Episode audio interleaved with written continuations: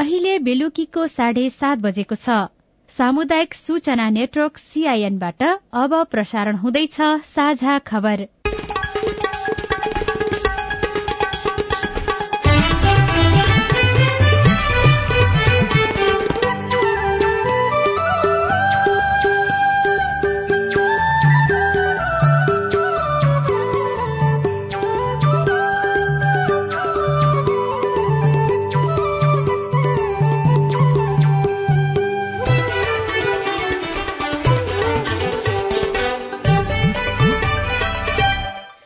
सीआईएनको साझा खबरबाट सोभिता रिसालको नमस्कार। साझा खबर देशभरिका सामुदायिक radio CIN Khabar dot com र मोबाइल एप सीआईएनमा पनि सुन्न सकिन्छ।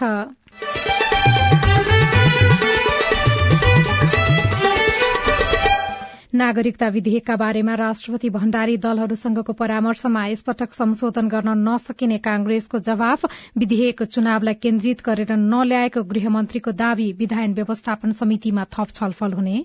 विधान समितिमा आजदेखि छलफल सुरु भयो अब अर्को बैठक पर्सि छ एक बजी पर्सि छलफल हुन्छ छलफलमा कसरी जान्छ के हुन्छ त्यसको जानकारी भइहाल्छ संक्रमणकालीन न्याय सम्बन्धी विधेयकमा छलफल गर्न तयार रहेको सरकारको भनाई त्रिभुवन विश्वविद्यालयमा देखिएको समस्या समाधान गर्न सरकारलाई संसदको ध्यानकर्षण नगरपालिकाहरू अव्यवस्थित संरचना भत्काउँदै शहरलाई थप सुन्दर कसरी बनाउने कसरी गर्ने भन्ने कुरा चाहिँ ठुलो जस्तो लाग्दैन मलाई। तर गर्नुपर्छ भन्ने जुन इच्छा शक्ति छ त्यो इच्छा शक्तिको अभ्युदय नै भएन। समस्या त्यहाँनिर हो कि? आज तीजको दर खाने दिन चिल्ला खानेकुरा नखान चिकित्सकको सुझाव। नेपालमा जुट उत्पादन निरन्तर घट्दै सरकारले सहयोग नगरेको व्यवसायीको गुनासो चालू आर्थिक वर्षमा सुनको आयात घट्यो। यो आर्थिक गतिविधिहरूमा कमी आएको छ। त्यसैको प्रभाव स्वरूप होला यो वर्षको चाहिँ सुनको गरगहनाहरू खरिद गर्ने होइन? जुन चाहिँ पहिलाको अनुपातमा निकै कम भएको चाहिँ हामीले अनुभव गरेका छौँ। र केन्यासँगको चौथो टी ट्वेन्टी क्रिकेटमा नेपाल सात रनले पराजित।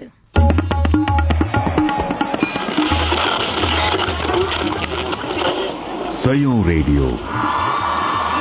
हजारौं रेडियो कर्मी र करोड़ौं नेपालीको माझमा यो हो सामुदायिक सूचना नेटवर्क सीआईएन नागरिकता विधेयकमा राष्ट्रपतिको असन्तुष्टि स्पष्ट देखिएको छ। दलीय हिसाबले एमाले पनि असहमति जनाइरहेको छ। दीर्घकालीन असर पार्ने यस्ता विधेयक र ऐन कानूनमा राष्ट्रिय सहमति गर्नु नै उत्तम हुन्छ। सबैका लागि बनाइने कानूनमा बहुमत अल्पमतको आधारमा निर्णय गर्दा भविष्यमा त्यसैले द्वन्द बढ़ने वा प्रावधान नै उल्ट्याउनु पर्ने स्थिति नआउला भन्न सकिँदैन। त्यसैले यस्ता विषयमा दलहरूले सर्वपक्षीय सहमति खोज्नुपर्छ। राष्ट्रपति विद्यादेवी भण्डारीले नागरिकता विधेयक बारे कांग्रेस र एमालेका शीर्ष नेताहरूसँग परामर्श गर्नु भएको छ। आज प्रधानमन्त्री शेरबहादुर देउवा सहित नेपाली कांग्रेसका नेताहरूलाई शीतल निवासमा बोलाएर उहाँले नागरिकता विधेयकका विषयमा चासो राख्नुभयो। राष्ट्रपतिलाई प्रधानमन्त्री देउवाले पूर्व सरकारले ल्याएको अध्यादेश अनुसार नै नागरिकता विधेयक ल्याएको बताउनु भएको थियो। भेटमा नागरिकता विधेयकका साथै अन्य समसामयिक विषयमा पनि छलफल भएको छलफलमा सहभागी नेताहरूले बताएका छनृ। छलफलमा कांग्रेस सभापति समेत रहनुभएका प्रधानमन्त्री शेरबहादुर देउवा उपसभापति धनराज गुरूङ महामन्त्री गगन थापा र संचार मन्त्री ज्ञानेन्द्र बहादुर कार्की सहभागी हुनुभएको थियो। आजै राष्ट्रपति भण्डारीको आह्वानमा एमालेका शीर्ष नेताहरू पनि शीतल निवास गएका छन्। राष्ट्रपति भण्डारीले उपाध्यक्ष सुभाष चन्द्र नेमाङ सहितका नेताहरूसँग छलफल गर्नुभएको छ। नागरिकता विधेयकमा राष्ट्रपति भण्डारीले असन्तुष्टि जनाइरहनु भएको छ। प्रतिनिधि सभा र राष्ट्रिय सभाले पारित गरेको नागरिकता विधेयक हालै राष्ट्रपति भण्डारीले फिर्ता पठाउनु भएको थियो। सो विधेयकलाई प्रतिनिधि सभाले हुबहु पारित गरिसकेको छ भने राष्ट्रिय सभाले थप छलफलका लागि विधायन समितिमा पठाएको छ। यसैबीच विधायन समितिमा आज विधेयकबारे छलफल भएको छ। छलफलमा सांसदहरूले विधेयक चुनावी प्रयोजनका लागि आएको त होइन भन्दै प्रश्न उठाएका थिए। जवाफमा गृहमन्त्री बालकृष्ण खाँडले नागरिकता विधेयक निर्वाचन प्रेरित नरहेको स्पष्ट पार्नुभयो। यो ऐन अनुसार नागरिकता पाउनेहरू मतदाता सूचीमै नरहेको र मतदान गर्न नपाउने भएकाले यो निर्वाचन लक्षित नरहेको उहाँको दावी थियो। अब समितिमा यसबारेमा थप छलफल हुने समितिका सदस्य जितेन्द्र नारायण देवले सीआईएनलाई जानकारी दिनुभयो। हो विधान समितिमा आजदेखि छलफल सुरु भयो। अब अर्को बैठक पर्सि छ एक बजी। पर्सि छलफल हुन्छ छलफलमा कसरी जान्छ के हुन्छ त्यसको जानकारी भइहाल्छ। अब यो छलफल चाहिँ कति दिनसम्म चल्छ? अब हाम्रो सोचाइ त गठबन्धनको साथीहरूको सोचाइ पर्सि छलफल गरेर सकभर पर्सि नै टुङ्यौँ टुङ्ग्यौँ भन्ने छ होइन? अब प्रमुख प्रतिपक्षले त्यसमा कुन ढङ्गले आउँछ कसरी पेश हुन्छ अब त्यसमा निर्भर गर्छ। अनि आज त जो उपस्थित थिए सबैले आफ्नो आफ्नो धारणा राखे कानून न्याय तथा संसदीय मामिला मन्त्री गोविन्द बन्दीले संक्रमणकालीन न्याय सम्बन्धी विधेयकमा के के राख्ने भन्ने विषयमा छलफल गर्न सरकार खुल्ला रहेको बताउनु भएको छ। तर दुवै सदनबाट यो अधिवेशनबाटै विधेयक पास गर्नुपर्नेमा उहाँले जोड़ दिनुभयो। बेपत्ता पारिएका व्यक्तिको छानबिन सत्य निरूपण तथा मेलमिलाप आयोग ऐन दुई हजार एकहत्तरलाई संशोधन गर्न बनेको विधेयकमाथि प्रतिनिधि सभामा भएको सैद्धान्तिक छलफलमाथि उठेका प्रश्नहरूको जवाफ दिँदै मन्त्री बन्दीले विधेयक संसदको सम्पत्ति भएको धारणा धारणा राख्नुभयो। यसमा पोलिटिकल्ली यो एजेन्डालाई नहेरियोस्। यसलाई यदि हामीले राजनीतिक रूपले हेरिदियौँ भने क्षणिक रूपमा हामी कसैलाई फाइदा हुन सक्छ? नेपालको सबै राजनीतिक दलहरूलाई यो विषयमा मैले एक ठाउँमा रहेको पाएको छु। अरू सबै प्रक्रियामा उहाँहरूका पोलिटिकल डिफरेन्स भए पनि यो इस्युमा शब्द के राख्ने भन्नेमा कुरा हुन सक्छ जुन स्वाभाविक हो। तर यो प्रक्रियालाई पोलिटिकल्ली निगोसिएटेड प्रोसेसकै रूपमा र शान्ति सम्झौताले अगाडि सारेको प्रस्तावना र सर्वोच्च अदालतको निर्देशनको दायरा भित्रै रहेर बढाउनुपर्छ भन्ने सैद्धान्तिक सहमति सबैको छ। सर्वोच्च अदालतको फैसला अन्तर्राष्ट्रिय कानून भन्दा विपरीत प्रस्ताव नआएको भन्दै उहाँले के के राख्ने भन्नेमा छलफल गर्न सकिने बताउनुभयो। एमाले सांसदहरूले विधेयकलाई फास्ट ट्र्याकबाट पास गर्न नहुने बताएका थिए। मन्त्री बन्दीले भने समितिमा लैजाँदा त्यही अड्किन सक्ने भन्दै प्रक्रियाबारे छलफल गर्न सकिने धारणा राख्नुभयो। कति कति तयारी गरेर यो अधिवेशनभित्र पास गर्न नसके न्यायको पर्खाईमा रहेका समुदायलाई अस्वीकार गरेको उहाँको भनाई थियो। नेपालमा जुटको उत्पादन निरन्तर ओह्रालो लागेको छ। कृषि विभाग अन्तर्गतको बाली विकास तथा जैविक विविधता संरक्षण केन्द्रका अनुसार दश वर्ष यता जुटको खेती र उत्पादन दुवै घटिरहेको छ। सन् दुई हजार दसमा एघार हजार हेक्टर क्षेत्रफलमा हुने जुट खेती अहिले झण्डै सात हजार हेक्टरमा खुम्चिएको छ। खेती कम हुँदा उत्पादन समेत सोही अनुपातमा घटिरहेको केन्द्रले जनाएको छ। दश वर्ष अघिसम्म पन्ध्र हजार मेट्रिक टन जुट उत्पादन हुने नेपालमा अहिले दश हजार मेट्रिक टन मात्रै उत्पादन हुने गरेको छ। कच्चा पदार्थ अभावका कारण अधिकांश जुट उद्योग बन्द अवस्थामा छन् भने सञ्चालनमा रहेका समेत धराशायी बन्दै गएको। उद्योग संगठन मोरङका अध्यक्ष सुयास प्याकुरेलले सीआईएनसँग बताउनुभयो। हामी कहाँ सबै पुराना त्यस्ता खालका औद्योगिक उद्योगहरू चाहिँ नष्ट पनि भएर गए। विराटगढ जुट मिलको त अब जीर्ण अवस्थामा पुगिसक्यो। त्यो एउटा म्युजियम बनाउन लागेको ठाउँ भइसक्यो। अब अरू अरू जुट मिल पनि स्ट्रगल जस्तै अरियन जुट मिल छ होइन? स्वस्तिक जुट मिल छ अरू अरू जुट मिल छ। जुन रघुपति जुट मिल छ जुन चाहिँ प्राइभेट सेक्टरले चलाइरहेका जुट मिलहरू छन् त्यही प्राइभेट सेक्टरकै नेतृत्वमा भएको हुनाले केही हदसम्म सञ्चालनमा छन्। तर ती उद्योगहरू पनि समस्याग्रस्त छन्। किनभने सबै जुट भारतबाट आयात गर्नुपर्छ र बेला बेलामा समस्या निर्यात पनि समस्या छ जस्तै भारत सरकारले पुरानो त्यो बक्यौताहरू पनि दिएको छैन। एक्लै निजी क्षेत्रले यो गर्न सक्ने अवस्थामा रहेन र यो जुट उद्योग चाहिँ खस्कत उद्योगको रूपमा छ। यो कुनै अहिले यथास्थितिमा चल्ने उद्योग चाहिँ होइन। कुनै समय निर्यात हुने मुख्य वस्तुमा गनिने जुट अहिले कच्चा पदार्थ समेत आयात गर्नुपर्ने अवस्थामा पुगेको छ। नेपालमै जुट खेती नबढ़ाएसम्म उद्योगको अवस्था सुधार गर्न नसकिने उहाँले बताउनुभयो। चालू आर्थिक वर्षमा सुनको आयात घटेको छ। गत वर्षको पहिलो महिनाको तुलनामा चालू आर्थिक वर्षको पहिलो महिनामा सुनको आयात करिब पचपन्न प्रतिशतले घटेको भन्सार विभागको तथ्याङ्कले देखाएको छ। विभागका अनुसार चालू आर्थिक वर्षको पहिलो महिनामा दुई लाख छ हजार ग्राम सुन आयात भएको छ जुन एक अर्ब अड़चालिस करोड़ रूपियाँ बराबरको हो। गत आर्थिक वर्ष सोही अवधिमा चार लाख अन्ठाउन्न हजार पाँच सय ग्राम सुन आयात भएको थियो। यो तीन अर्ब सोह्र करोड़ रूपियाँ बराबरको रहेको भन्सार विभागले जनाएको छ। गत वर्षको तुलनामा यस वर्ष दुई लाख बाहन्न हजार दुई सय ग्राम कम सुन आयात भएको हो। हाल बजारमा दैनिक बीस किलो सुनको खपत भइरहेको नेपाल सुनचाँदी महासंघका अध्यक्ष मणिक रत्न साक्यले सीआईएनसँग बताउनुभयो। यो आर्थिक सङ्कोचनको कारणले गर्दाखेरि यो आर्थिक गतिविधिहरूमा कमी आएको छ। त्यसैको प्रभाव स्वरूप होला यो वर्षको चाहिँ सुनको गरगहनाहरू खरिद गर्ने होइन? जुन चाहिँ पहिलाको चाहिँ अनुपातमा निकै कम भएको चाहिँ हामीले अनुभव गरेका छौँ। बिसदेखि पच्चिस किलोको हाराहारी मात्रै भइरहेछ होइन? पहिलाको वर्षहरूमा पैँतिसदेखि चालिस किलोसम्म हुन्थ्यो।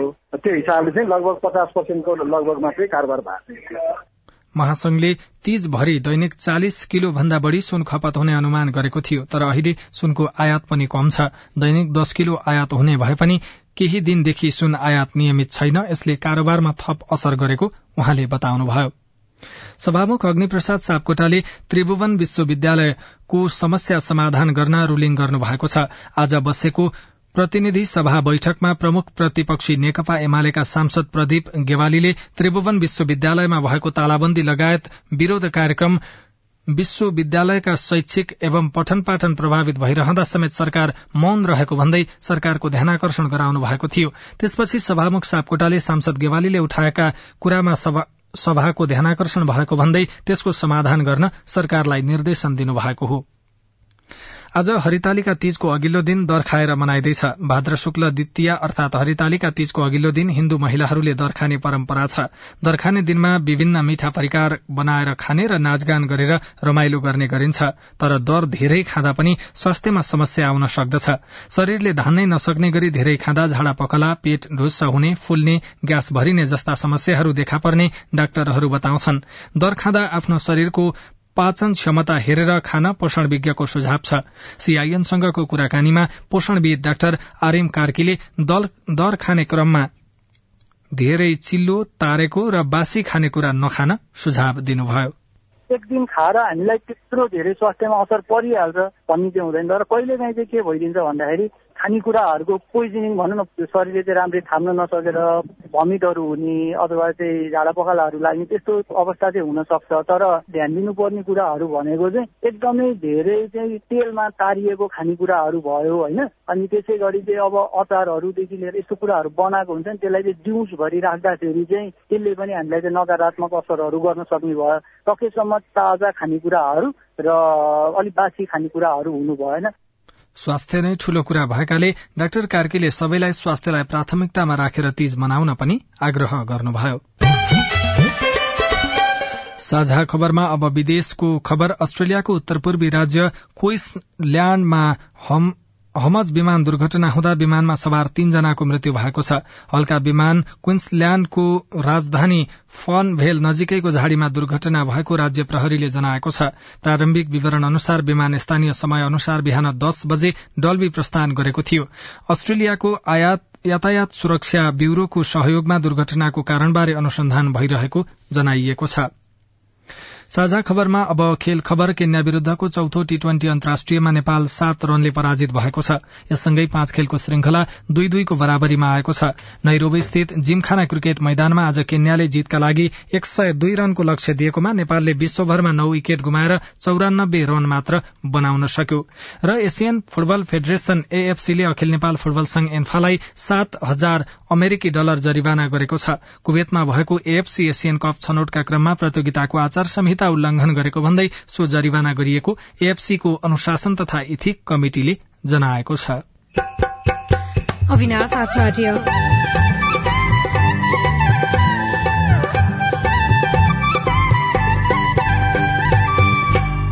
डडेलधुरा र डोटीबाट चालक अनुमति पत्र वितरण शुरू हामीले महिनागर या धनगढी जानुपर्दा हाम्रो खर्च हुन्थ्यो। एक दिन दुई दिन बस्नु पर्थ्यो हामीले पटक पटक जानु पर्थ्यो हामी खर्च हुन्थ्यो। त्यसको लागि चाहिँ हामीलाई यता चाहिँ धेरै सेवा सुविधा भएको छ। समय र पैसाको खर्च गरेर धनगढ़ी जानुपर्ने बाध्यता हट्यो। रिपोर्ट शहरहरूलाई व्यवस्थित कसरी बनाउने लगायतका सामग्री बाँकी नै छन्। सीआईएनको साझा खबर सुन्दै गर्नुहोला।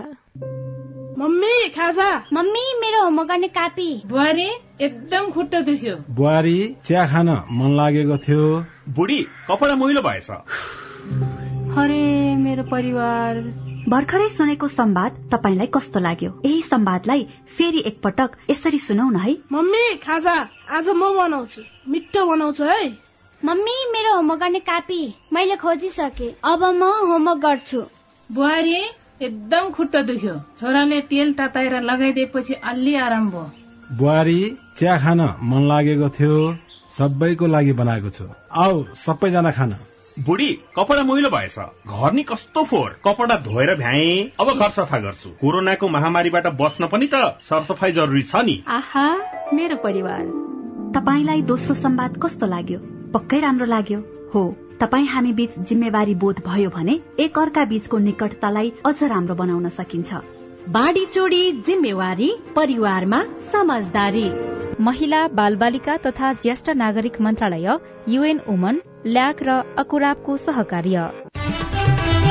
तपाईँले सीआईएनको साझा खबरका मुख्य शीर्षकहरू नेपाल टेलिकमको सिम भएको मोबाइल नम्बरबाट पटक पटक जुनसुकै बेला निशुल्क सुन्न सक्नुहुन्छ। तीन दुई एक शून्य शून्य डायल गर्नुहोस् र दैनिक समाचार स्वास्थ्य कोविड उन्नाइस कृषि मौसम प्रकोप र अधिकारका बारेमा पनि निशुल्क सुन्नुहोस्। तीन दुई एक शून्य शून्य सूचनाको संचार सामाजिक रूपान्तरणका लागि यो हो सामुदायिक सूचना नेटवर्क सीआईएन तपाई सामुदायिक सूचना नेटवर्क सीआईएनले तयार पारेको साझा खबर सुन्दै हुनुहुन्छ। सर्वोच्च अदालतले काठमाडौँ महानगरपालिकाका मेयर बालेन्द्र शाहलाई अदालतको अपहेलना मुद्दामा सात दिनभित्र लिखित जवाफ दिन आदेश जारी गरेको छ। मेयर शाहलाई अदालतको अपहेलनामा किन कार्यवाही नगर्ने भन्दै कारण सहितको लिखित जवाफ माग गरेको सर्वोच्च अदालतका प्रवक्ता विमल पौडेलले बताउनुभयो। न्यायाधीश हरिकृष्ण कार्कीको इजलासले अवहेलना मुद्दामा लिखित जवाफ माग गर्ने आदेश गरेको हो। नर्विक अस्पतालको संरचना भत्काउने महानगरपालिकाको निर्णयमा सर्वोच्च अदालतले अन्तरिम कालका लागि रोक लगाएपछि मेयर शाहले संविधान संशोधन गरेर नक्सा पासको अधिकार अदालतलाई दियौं भन्दै प्रतिक्रिया दिनुभएको थियो। मेयर शाहले अदालतको अवहेलना गरेको भन्दै अधिवक्ता दीपक राज जोशीले सर्वोच्चमा अदालतको अवहेलना अन्तर्गत मेयर शाहलाई कार्यवाही गर्न माग गर्दै निवेदन दिनुभएको हो। डडेलधुरा र डोटीमा सवारी चालक अनुमति पत्र लाइसेन्सको लागि प्रयोगात्मक परीक्षा अर्थात ट्रायल शुरू भएपछि सुदूरपश्चिम प्रदेशका नागरिक खुशी भएका छन्। सुदूरपश्चिमका जिल्लाका नागरिकलाई लाइसेन्स लिन छदेखि दश घण्टाको यात्रा गरेर कैलाली र कञ्चनपुर पुग्नुपर्ने बाध्यता रहेको थियो। अब डडेलधुरा र डोटीमा नै यो सुविधा पाउने भएपछि पैसा र समय दुवैको बचत हुने भएको छ। अमरगढी नगरपालिका आठ डडेलधुराका अशोक ओझाले मोटरसाइकलको चालक अनुमति पत्र लिनको लागि फारम भर्नु भएको थियो। आफ्नो पालो आउने मितिमा समय र खर्च दुवैको अभावले जान सक्नु भएन। तर डडेलधुरामा साउनको अन्तिम साताबाट सवारी चालक अनुमति पत्र लाइसेन्सको प्रयोगात्मक परीक्षा अर्थात ट्रायल शुरू भएको छ। डडेलधुरामा नै यो सुविधा पाएपछि उहाँले तीन दिन अघि चालक अनुमति पत्र लिनुभयो। डडेलधुरामा यातायात कार्यालयको ट्रायलमा म पास भएको। योभन्दा अगाडि धनगढ़ी महिना जाँदाखेरि खर्च यताउता लाग्ने सबैको हुने। यातायात व्यवस्था कार्यालय डडेलधुरा र डोटीले साउन अन्तिम साता लाइसेन्सको लिखित परीक्षा सञ्चालन गरेका थिए। सो परीक्षामा सुदूरपश्चिमका विभिन्न जिल्लाका एक सय साठी जना सहभागी भएका थिए। त्यसमध्ये जीवको लागि सत्ताइस र मोटरसाइकल तथा स्कूटरको लागि एक सय छ जना उत्तीर्ण भए भने उनीहरूको प्रयोगात्मक अर्थात ट्रायल परीक्षा भाद्र एघार गतेमा भएको थियो। डोटीमा भने अहिलेसम्म सैतिस जनाले लाइसेन्स पाएका छन्। अमरगढी डडेलधुराका स्नेहा भट्टले पनि लाइसेन्स पाउनुभयो। उहाँ अहिले खुसी हुनुहुन्छ। हामीले धनगढी जानु पर्दा हाम्रो खर्च हुन्थ्यो। एक दिन दुई दिन बस्नु पर्थ्यो हामीले पटक पटक जानु पर्थ्यो हामीले खर्च हुन्थ्यो। त्यसको लागि चाहिँ हामीलाई यता चाहिँ धेरै सेवा सुविधा भएको छ। तर यी यातायात व्यवस्था कार्यालयका आफ्नै ट्रायल कक्ष भरे छैनन्। यातायात व्यवस्था कार्यालय डडेलधुराका प्रमुख मेघराज उपाध्याय आफ्नै ट्रायल सेन्टर भएको खण्डमा परीक्षा गराउन सहज हुने बताउनुहुन्छ। यदि आफ्नो ट्रायल सेन्टर चाहिँ मिनी हेभी लगायतका अन्यान्य सेवाहरू पनि दिन सक्ने अवस्था हुन्थ्यो। ट्रायल सेन्टर नभएको कारणले गर्दाखेरि जुन रूपमा यातायात व्यवस्था सेवा कार्यालय कार्यालयले अन्य सेवा विस्तार गर्नु पर्ने त्यो विस्तार गर्नमा अलिकति चुनौती आएको अवस्था हुन्छ। डोटी तथा डडेलधुरामा नै यस्तो सुविधा पाएपछि अब हजारौं खर्च गरेर धनगढ़ी पुग्नु पर्ने बाध्यता हटेको छ। यसले जथाभावी सवारी साधन चलाउने र दुर्घटना बढ़ाउने जोखिम पनि कम हुने विश्वास सरोकारवालाको रहेको छ। सुदूरपश्चिम प्रदेशका मुख्यमन्त्री त्रिलोचन भट्ट अब यी केन्द्रहरूलाई थप व्यवस्थित बनाउने प्रतिबद्धता व्यक्त गर्नुहुन्छ। अहिलेको युग अनुसारको हामीले त्यो बनाउनु जरुरी छ। अहिलेको युग भनेको नयाँ हो। नयाँ सोच सहित हाम्रो गाउँठाउँ हाम्रो कार्यालयहरू हाम्रा सुविधाहरू त्यो चिजहरू अहिले नयाँ तरिकाले सोच्नु पर्ने र दिनुपर्ने जरुरी छ। चालक अनुमति पत्र बनाउनको लागि आवेदन दिनेहरूको चाप देशभरि नै छ। यसलाई सकेसम्म विकेन्द्रीकरण गरेको खण्डमा चाप पनि घट्नेछ भने नागरिकलाई सहज पनि हुनेछ। ममता भट्ट रेडियो अमरगढी डडेलधुरा।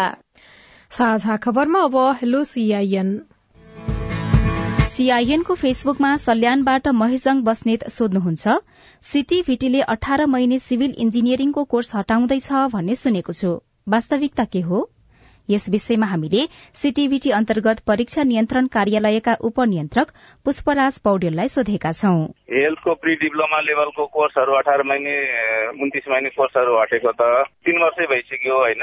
अरू इन्जिनियरिङ एग्रिकल्चर अरू सेक्टरको चाहिँ हटेको छैन। जुम्लाबाट म रतन सिंह थापा कार्य सम्पादनका आधारमा गरिने शिक्षकको बढुवामा शिक्षाका सरकारवाला निकायहरूको लापरवाहीको कारण कार समूह फारम हराउने र हुनुपर्ने उम्मेद्वार बढुवा नहुने व्यापक गुनासो सुनिन्छ।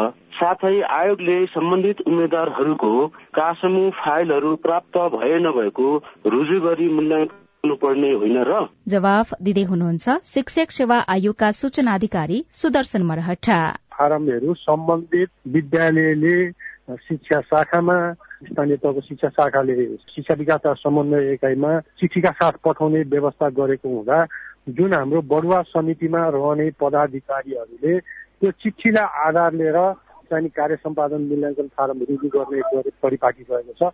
यदि अब विद्यालयले नै पठाएन शिक्षा शाखाले नै पठाएन भनेदेखिको अवस्थामा त्यो कार्य सम्पादन मूल्याङ्कन फर्म चाहिँ समितिमा पेश हुन नआएको भन्ने आधारमा चाहिँ त्यो समितिले सोध्छ।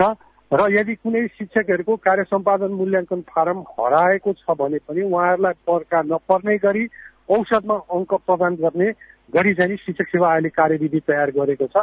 त्यसकारण शिक्षकहरूको मर्कामा पर्नु भएको छैन भन्ने कुरा चाहिँ आयोग विश्वस्त रहेको र यहाँहरूलाई पनि म विश्वस्त गराउन चाहन्छु। मेरो नाम मनलाल थापा म बुढीनन्दा नगरपालिका वडा नम्बर सातबाट बोल्दैछु। मैले अहिलेसम्म पनि कोरोनाको खोप लगाउन पाएको छैन। यो खोप लाउनको लागि कहाँ जानु पर्ला? तपाईँको गुनासो हामीले बुढीनन्दा नगरपालिकाका प्रमुख प्रशासकीय अधिकृत डाक्टर विजय भुर्तेललाई सुनाएका छौं। यसको लागि चाहिँ उहाँ हाम्रो स्वास्थ्य शाखामा चाहिँ सम्पर्क गर्नुभयो भने त्यसको हामी व्यवस्था गर्दछौँ। तपाई जुनसुकै बेला हाम्रो आइभीआर नम्बर शून्य एक बान्न साठी छ चार छमा फोन गरेर आफ्नो प्रश्न जिज्ञासा गुनासा अनि समस्या रेकर्ड गर्न सक्नुहुनेछ। तपाई सामुदायिक सूचना नेटवर्क सीआईएनले काठमाण्डुमा तयार पारेको साझा खबर सुन्दै हुनुहुन्छ। शहरको अव्यवस्थित संरचना भत्काउँदै जनकपुर उपमहानगरपालिका। फूलका लागि तेइसवटा प्रसादका पन्ध्रवटा गरी सत्तरवटा पसल व्यवस्थापन गरेर अहिलेसम्म उपलब्धिमूलक कार्य भनेको फुटपाट खाली एउटा मात्रै भएको छ। काठमाडौँ महानगरपालिकाको सिको गर्दै अरू स्थानीय तह रिपोर्ट विकास हुँदै गरेका शहरहरूलाई कसरी व्यवस्थित बनाउने कुराकानी लगायतका सामग्री बाँकी नै छ। सीआईएनको साझा खबर सुन्दै गर्नुहोला। बालबालिकालाई लगाउँदै गरेको खोपमा चाहिँ बालबालिकाहरू कहाँ गएर लगाउनु पर्ने र खोप लगाउन जाँदा के के लिएर जानु पर्ने त्यसबारे बताइदिनुहोस् न। मेरो जिज्ञासा के छ भनेपछि हामी विद्यार्थीहरू एकदमै जोखिममा छौँ तर पनि हामीहरूले समयमा खोप उपलब्ध हुन सकेको छैन।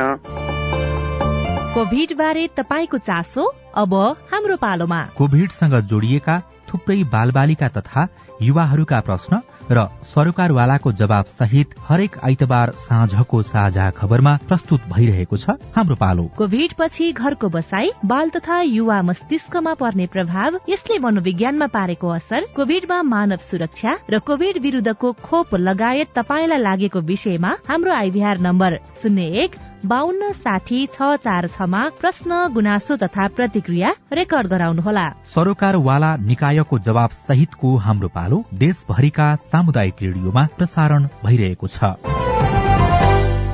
सामाजिक रूपान्तरणका लागि यो हो सामुदायिक सूचना नेटवर्क सीआईएन तपाई सामुदायिक सूचना नेटवर्क सीआईएनले काठमाडौँमा तयार पारेको साझा खबर सुन्दै हुनुहुन्छ।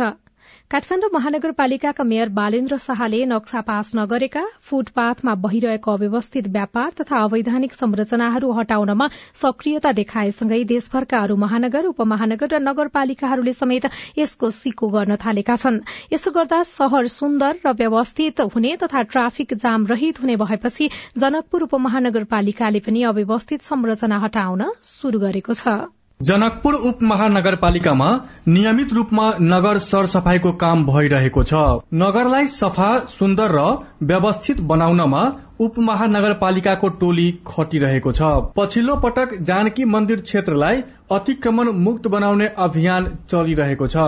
दैनिक हजारौं भक्तजन आउने जानकी मन्दिर वरपर सफा र आकर्षक बनाउन तथा अनावश्यक संरचना र बाटोमा हुने व्यापार हटाउने अभियान चलेपछि नागरिक खुशी भएका छन्। हाल जानकी मन्दिरको दुई सय मिटर परसम्म सड़कमा हुने व्यापारलाई रोक लगाइएको छ। मन्दिर वरपर बनाइएको टहराहरू भत्काइएको छ। जनकपुर नगर क्षेत्रभित्रका सड़क पेटीमा रहेका पसलहरू अव्यवस्थित टहरा हटाउन थालिएको छ। अस्पताल क्षेत्र हुँदै रमानन्द चोक पेठिया बजार लगायतका क्षेत्रमा अनावश्यक संरचना हटाइएको छ जसकारण जनकपुर व्यवस्थित देखिन थालेको छ। फुलका लागि तेइसवटा प्रसादका पन्ध्रवटा गरी सत्तरवटा पसल व्यवस्थापन गरेर अहिलेसम्म उपलब्धिमूलक कार्य भनेको फुटपाथ खाली एउटा मात्रै भएको छ। पाटोमा चल्ने व्यवसायलाई हटाई जानकी मन्दिर र आसपासको क्षेत्रलाई व्यवस्थित गर्न स्थानीय व्यवसायहरू पनि सघाएका छन्। एकजना व्यवसायी सुशील कर्ण। जनकपुर महानगरपालिकाद्वारा गरिएको निर्णयलाई सहज तरिकाले यहाँका जनताले स्वीकार गरे र फुटपाथका व्यवसायीहरू जति पनि थियो सबै उहाँलाई सम्मानपूर्वक सबैले खाली गर्नुभयो। पहिलो चरणमा फुटपाथ व्यवस्थापनको काम भइरहेको भए पनि अब अवैधानिक तवरले बनाइएका संरचना भत्काइने पार्किङ व्यवस्थापन गर्ने र नक्सा पास नभएका भवनहरूलाई भत्काइने गरी अभियान चलाइने जनकपुर धाम उपमहानगरपालिकाका उपप्रमुख किशोरी शाहको भनाइरहेको छ। ट्राफिक व्यवस्था थारा गाई वस्तु व्यवस्थापन फुटपाथ व्यवस्थापन गर्ने भनेर त्यो जानकी मन्दिर वरिपरि हस्पिटलसम्म यता बजारको राम मन्दिर जनक चौक मिलिसेरिया स्टेशन यो सब सब बाटोमा हामी गर्दैछौ। जनकपुर धाम नगरमा लगभग दुई लाख जनसंख्या रहेको छ। यहाँ दैनिक हजारौं पर्यटकहरू आउने गरेका छन्। जनसंख्याको चाप बढ़दै जाँदा नगर नराम्रो नदेखियोस् भनेर शुरू भएको यो अभियान सकारात्मक रहेको नागरिकको भनाइरहेको छ। बटुकनाथ झा सीआईएन जानकी एफएम जनकपुर धाम विज्ञहरूले शहरभित्र मानिसको चाप बढ़िरहेकाले अव्यवस्थित अनाधिकृत संरचना हटाउने कामलाई दीर्घकालीन समाधानको उपायको रूपमा लिएका छन्। काठमाडौँ सहित नेपालका अधिकांश विकसित शहर व्यवस्थित छैनन् जसलाई तत्कालै व्यवस्थापन गर्नुपर्ने आवश्यकता छ। बनिसकेका र कतिपय विकसित हुने क्रममा रहेका शहरहरूको व्यवस्थापन कसरी गर्न सकिन्छ? हामीले एकजना पूर्वाधार विकास विज्ञ चन्द्र बहादुर श्रेष्ठसँग कुराकानी गरेका छौं।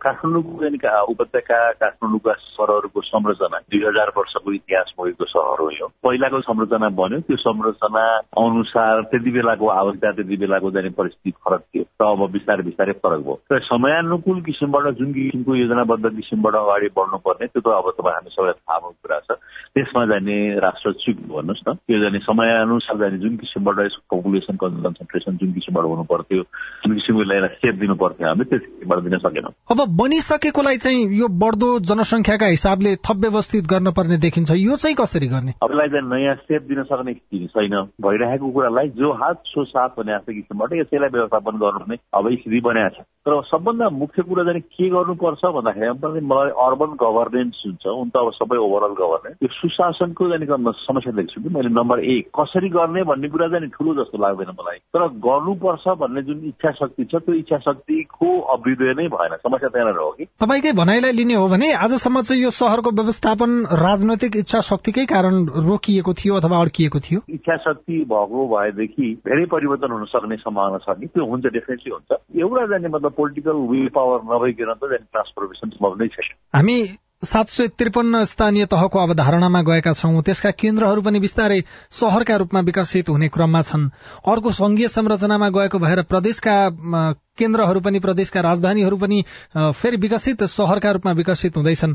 अब यो समयमा चाहिँ बिस्तारै विकसित हुँदै गरेको शहरलाई व्यवस्थित बनाउन यो कालान्तरसम्म पनि व्यवस्थित रहने गरी व्यवस्थित बनाउनका लागि चाहिँ अहिलेदेखि राज्य के कुरामा गम्भीर हुने? अहिलेसम्म हामीले कुन ठाउँमा जाने घर बनाउनलाई उपयुक्त ठाउँ हो कुन ठाउँ जाने पार्क बनाउनु पर्ने हो कुन ठाउँमा जाने मतलब पानीको जाने वाटर बडी बनाउनु पर्ने हो यो इम्प्लिमेन्ट गर्न सक्ने क्यापेसिटीमा नगरपालिकाहरू छन् जस्तो लाग्दैन मलाई। त्यो कम्युनिटीमै सबै व्यवस्था गर्ने भएदेखि यो यातायातको जाने इन्ट्रेक्सन कम हुन्थ्यो र हरेक कुरा म्यानेज गर्न सकिन्थ्यो। अब त्यो सम्म भएको छैन। मैले सोध्न खोजेको चाहिँ के थियो भने काहीँ न काहीँ अहिले हाम्रा सहर व्यवस्थित नहुनुमा भौतिक संरचनाको कमजोरी देखिएको छ। चाहे त्यो काठमाडौँ महानगरपालिका होस् चाहे त्यो नेपालगंज उपमहानगरपालिका होस् चाहे त्यो हेटौँडा होस् जनकपुर होस् अथवा वीरगंज होस् काहीँ न काहीँ संरचनाले नै शहर अव्यवस्थित बनाइराखेको देखिन्छ। संरचनागत हिसाबले शहर कसरी व्यवस्थित बन्न सक्छ भन्ने चाहिँ मेरो प्रश्न थियो। छोटोमा के भन्दाखेरि अब यो गुरु योजना जाने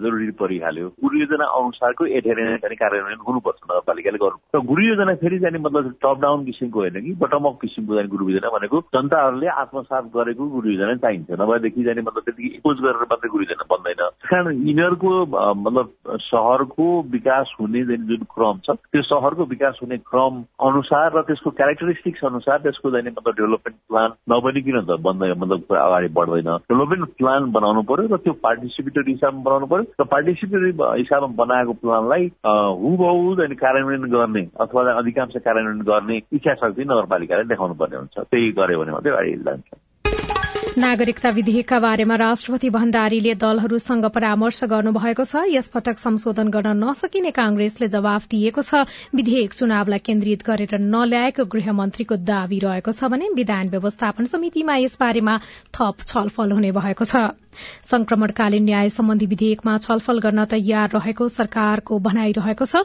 त्रिभुवन विश्वविद्यालयमा देखिएको समस्या समाधान गर्न सरकारलाई संसदले ध्यानकर्षण गराएको छ। आज तीजको दर खाने दिन चिल्ला र अपच हुने खालका खानेकुरा नखान चिकित्सकहरूले सुझाव दिएका छन् र केन्यासँगको चौथो टी ट्वेन्टी क्रिकेटमा नेपाल सात रनले पराजित भएको छ। हवस् त आजलाई साझा खबरको समय सकियो। प्राविधिक साथी सुरेन्द्र सिंहलाई धन्यवाद। भोलि भदौ चौध गते बिहान छ बजेको साझा खबरमा फेरि भेटौँला। अहिलेलाई सोभिता साल पनि विदा हुन्छु। नमस्कार शुभरात्री।